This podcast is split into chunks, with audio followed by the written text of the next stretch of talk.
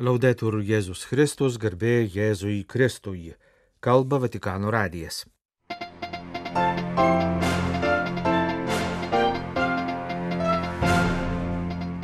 Artėjant pasauliniai misijų dienai primenama, kad katalikai sudaro daugiau kaip 17 procentų pasaulio gyventojų.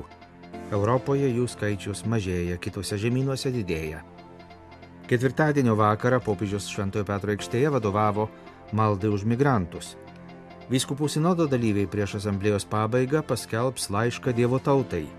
Gazoje per bombardavimą nukentėjo ortodoksų vienuolynas yra žuvusiųjų.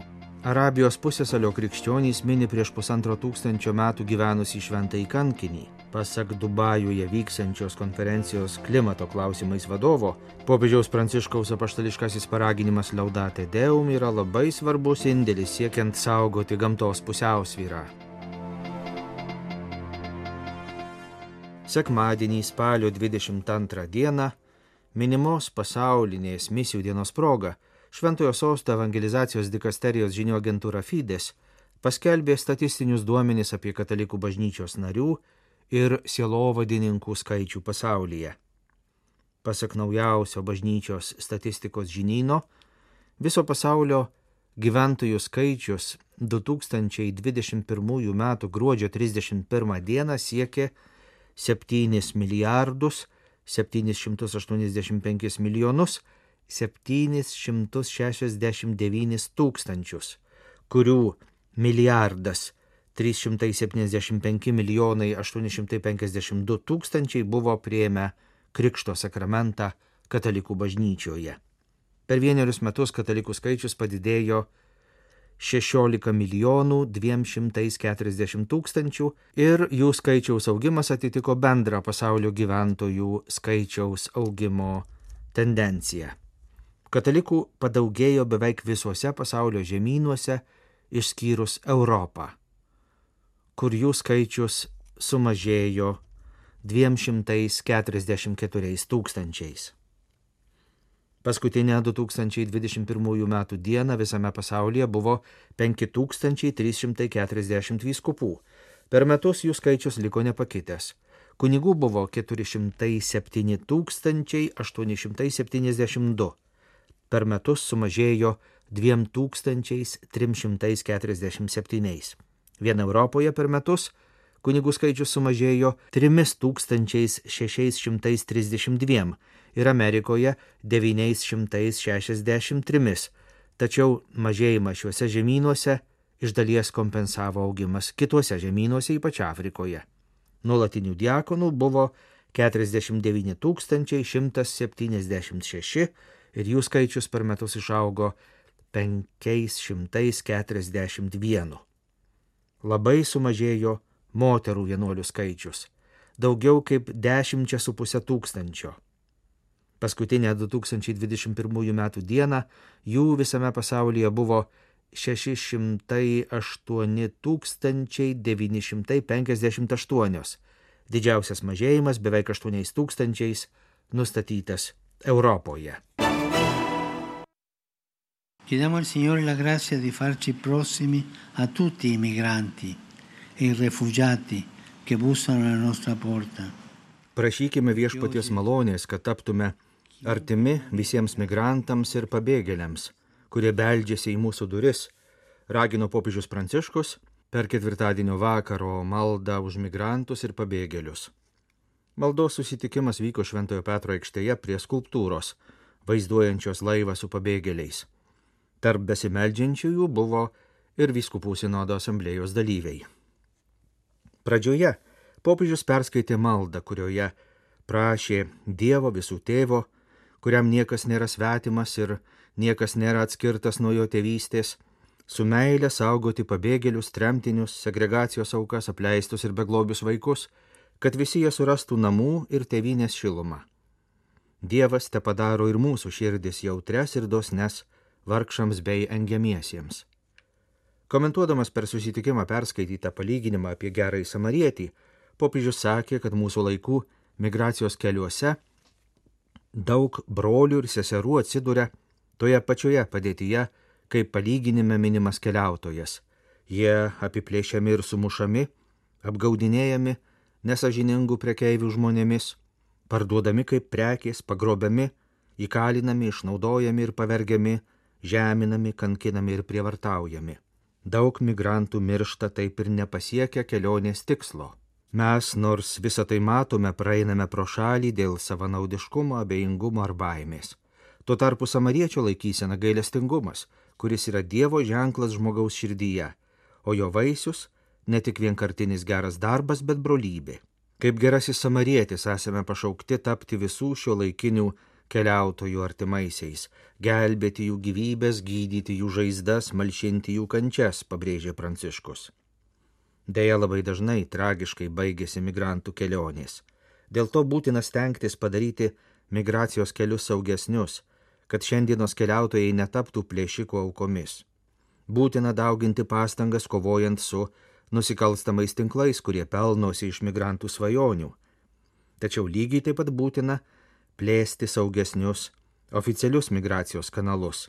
Žiūrint į dabartinę pasaulio padėtį yra akivaizdu, kad būtina suderinti demografinę ir ekonominę politiką su migracijos politika, nes tai būtų naudinga visiems. Taip pat reikia atsiminti, kad dėmesys turi būti skiriamas pažeidžiamiausiems asmenims, taip pat būtina skatinti bendrą atsakingą požiūrį į migracijos srautų, kurie artimiausių metų gali didėti, valdymą, pažymėjo popiežius. Vatikane posėdžiaujantys vyskupų sinodo 16-osios eilinės asamblėjos dalyviai paskelbs laišką Dievo tautai, pranešė vyskupų sinodo generalinis sekretoriatas. Paprastai vyskupų sinodo asamblėjos užbaigiamos oficialiu baigiamuoju dokumentu su pasiūlymais, pagal kuriuos popiežius vėliau paskelbė po sinodinį apaštališkai paraginimą, kuris yra tikrasis oficialus sinodo darbo rezultatas. Dabartinė vyskupų sinodo asamblėja baigiamojo dokumento nepaskelbs, nes, kaip žinoma, po metų 2024 spalio mėnesį vyks antroji šios asamblėjos dalis. Paprastai vyskupų sinodo dalyviai prieš sesijos uždarimą paskelbė ir vadinamąjį kreipimąsi į Dievo tautą. Tokį kreipimąsi, laišką Dievo tautai, prieš išsiskirstydami paskelbs ir šios asamblėjos dalyviai. Kaip informavo vyskupų sinodo generalinis sekretorius kardinolas Mario Grechas, laiško Dievo tautai projektas bus aptariamas ir priimamas balsavimu pirmadienį spalio 23 dieną. Trečiadienį spalio 25-ąją šios asamblėjos generalinis relatorius kardinolas Žanas Klodas Holerichas pristatys savo parengtą pastarųjų savaičių darbo sintezę. Ketvirtadienį spalio 26-ąją Sinodo asamblėjos dalyviai susirinks į paskutinę bendrąją kongregaciją, per kurią bus aptarimi pasiūlymai, kaip renktis antrajam šios asamblėjos etapui vyksiančiam po metų. Penktadienio spalio 27 vakarą Sinodo dalyviai kviečiami į maldą už taiką Šventojo Petro aikštėje. Sekmadienį spalio 29-ąją popiežius vadovaus šios Sinodo asamblėjos pirmojo etapo uždarimo mišioms.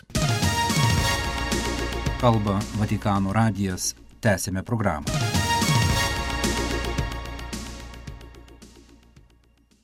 Raketa pataikė į Gazos ortodoksų bažnyčią. Gazoje spalio 20 dieną per Izraelio aviacijos antpolį nuniokota Šventojo Porfirijaus graikų ortodoksų bažnyčia. Anot spaudos pranešimų yra aukų ir sužeistųjų, nepatvirtintais duomenimis žuvo 18 žmonių.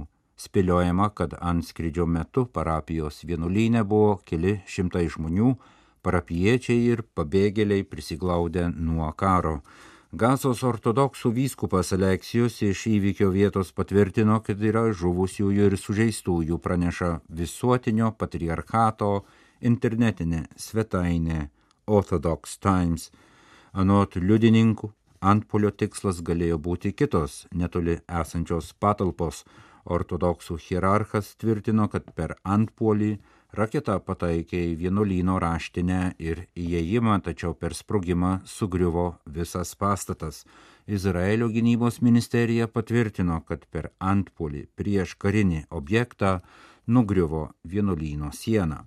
Jeruzalės patriarchato vyskupas Gazoje pripažino nežinantis, kiek žmonių įstrigo grįvėsiuose, tačiau anot jo vienuolynė atakos metu galėjo būti per 400 žmonių Visuotinio patriarchato svetainė primena, kad Jeruzalės ortodoksų patriarchatas griežtai pasmerkė Izraelio aviacijos anskridį, pataikiusi į jam priklausantį bažnytinį pastatą gazoje. Bažnyčia arabų vikariatuose šves neeilinį jubiliejų. Antradienį spalio 24 dieną sukanka šventojo Areto Nadžerano valdovo ir kitų šio istorinio miesto krikščionių kankinystės 1500 metinės. Jubiliejus, kuris tęsis iki 2024 m. spalio 23 dienos ir kurio dalyviai galės gauti visuotinius atlaidus, prasideda antradienį šventųjų durų į Bahreino Dievo motinos katedrą atidarimu. Vyskupas Aldo Berardi, Šiaurės Arabijos apaštališkojo vikariato ganytojas, Bahreino karalystės katalikų katedroje aukos neeilinio jubiliejaus atidarimo mišes. Jubiliejus taip pat bus švenčiamas Pietų Arabijos apaštališkajame vikariate. Abiejų arabų pusėsalio vikariatų tikintieji kviečiami per jubiliejinius metus pagilinti dvasinį gyvenimą ir artėti prie Dievo, minint penktajame ir šeštajame amžiais gyvenusių savo pirmtakų, dėl tikėjimo gyvybės paukojusių šventojo areto ir kitų nadžeraniečių kankinystę. Nadžeranas, pietinis, dabartinės Saudo Arabijos miestas prie sienos su Jemenu, šventojo Areto laikais buvo krikščionių daugumos miestas. Šventasis Aretas Al-Haritas bin Kabas gimė 427 metais ir valdė Nadžaraną iki kankinystės sulaukęs garbaus amžiaus. Jam buvo 95 metai. Nadžarano valdovą Aretą ir kitus krikščionys nukankinti liepė Himjaro, dabartinio Jemeno teritorijoje karalius Du Nuvasas. Pažymėtina, kad Nadžarano krikščionys juos persekioja Himjarai, kaip ir visa arabų pusėsalio populiacija gyveno tada dar prieš musulmoniškais laikais. Himjarų valdovas vertė nadžaraniečius išsižadėti krikščioniškojo tikėjimo, nepaklusiusius žudė, degino jų bažnyčias, įsiveržęs į Nadžaraną, karalius Dunuvasas liepė suimti visus dvasininkus, pašvestuosius ir pasauliečius, suversti į griovį ir padegti šios žudynės arabų tradicijoje vadintos Al-Ugdud Šventasis Aretas ir su juo šimtai tikinčiųjų buvo nukirzdinti šventojo Areto ir 340 krikščionių kankinystę jo mieste Nadžarane, Arabijoje, valdant karaliui Dūnuvasui, imperatoriaus Justinijono laikais mini Romos martirologas. Arabijos apaštališkiai vikariatai Šventojo Areto kankinystės 1500 metų jubiliejų švenčia gavę popiežiaus Pranciškaus ypatingus nurodymus per apaštališkąją penitenciariją ir dėkingi visuotiniam patriarkui Baltramiejui, padovanojusiam šventojo kankinio relikviją Pagal tradiciją šventojo areto ir bendražygių kankinystėje žemiški palaikai ilsėjosi Nadžarane, tipiškoje arabiško stiliaus kubo formos šventykloje Kaba.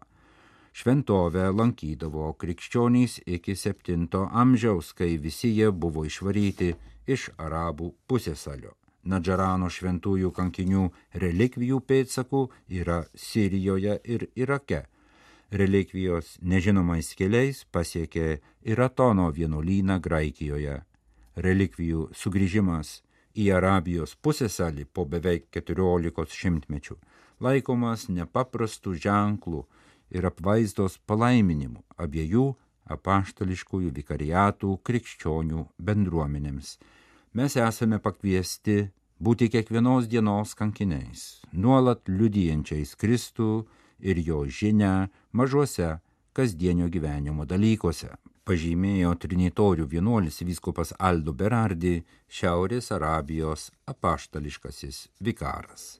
Atlaidus gauti galės jubiliejaus piligrimai, aplankysiantys Arabijos Dievo motinos katedrą Avalyje, Bahreine, Šventojo Juozapo katedrą ir Šventojo Areto parapijos bažnyčią Abu Dabyje, Jungtiniuose Arabų Emiratuose ir dalyvausiantys jubiliejaus liturginėse apeigose.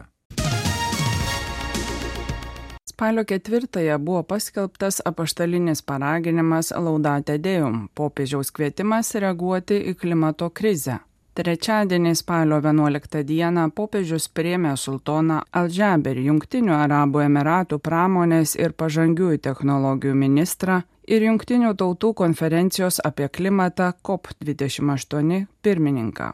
COP28 susitikimas yra svarbus įvykis vykstantis Dubajuje lapkričio 30 gruodžio 12 dienomis, kurį popiežius Pranciškus nurodo kaip lemiamą momentą imtis bendrų veiksmų, kol dar nevėlu. Šiame interviu Vatikano žiniasklaidai Vatican News duotame po audiencijos pas popiežių Pranciškų Alžeber paaiškina būsimo COP28 tikslus ir komentuoja raginimo turinį. Kalbėdamas apie popiežiaus paskelbtą paraginimą Laudate Deum, sultonas Alžeber pažymi, kad popiežiaus raginimas netidėliotinai didinti pastangas, sprendžiant klimato kaitos krizę, labai palankiai priimtas. Mes taip pat tikimės, kad COP28 pagreitins energijos tranziciją, kad šis susitikimas bus veiklos susitikimas, nes dabartinė vadovybė ryštingai įsipareigojusi padaryti ką įmanoma suvienijant visas šalis, užtikrinti įsitraukimą, pasiekti aiškių įsipareigojimų, parengti ambicingą veiklos planą. Mums reikia greito, teisingo energijos perėjimo, kad niekas neliktų nuo šalyje, ypač 800 milijonų žmonių, kurie šiandien neturi prieigos prie energijos. Būtų neatsakinga ištraukti dabartinės energetikos sistemos jungiklį prieš sukuriant naują. Turime sutelkti dėmesį iš metamųjų teršalų kiekį, turime iš naujo subalansuoti energijos šaltinius ir sumažinti šiandien naudojamos energijos emisijas. Mažinkime emisijas, o ne pažangą ragino Junktinių Arabų Emiratų pramonės ir pažangiųjų technologijų ministras popiežius paraginime trumpai apžvelgė COP konferencijų istoriją, neslėpdamas nusivylimų, kad buvo nesilaikoma įsipareigojimų ir kenksmingų išmetamųjų teršalų kiekis ir toliau didėja. Kaip COP28 gali pakeisti šią tendenciją? COP28 siekia pakoreguoti kryptį pažadus paverčiant projektais, tendencijas transformacijomis, o susitarimus veiksmais. Mes pradėjome savo veiksmų darbo tvarkę su ambicingais, bet įgyvendinamais raginimais veikti visiems. Popiežius yra visiškai teisus dėl praeities pažadų nesilaikymo ir kad tai nuvilia. Mums reikia, kad visos šalis vykdytų savo pažadus. Pasak popiežiaus trūksta tarptautinių organizacijų, kurios tarnautų visoms šalims, ne tik didžiausioms ir labiausiai išsivyščiusioms, ir taip užtikrintų COP įsipareigojimo įgyvendinimą visose šalise.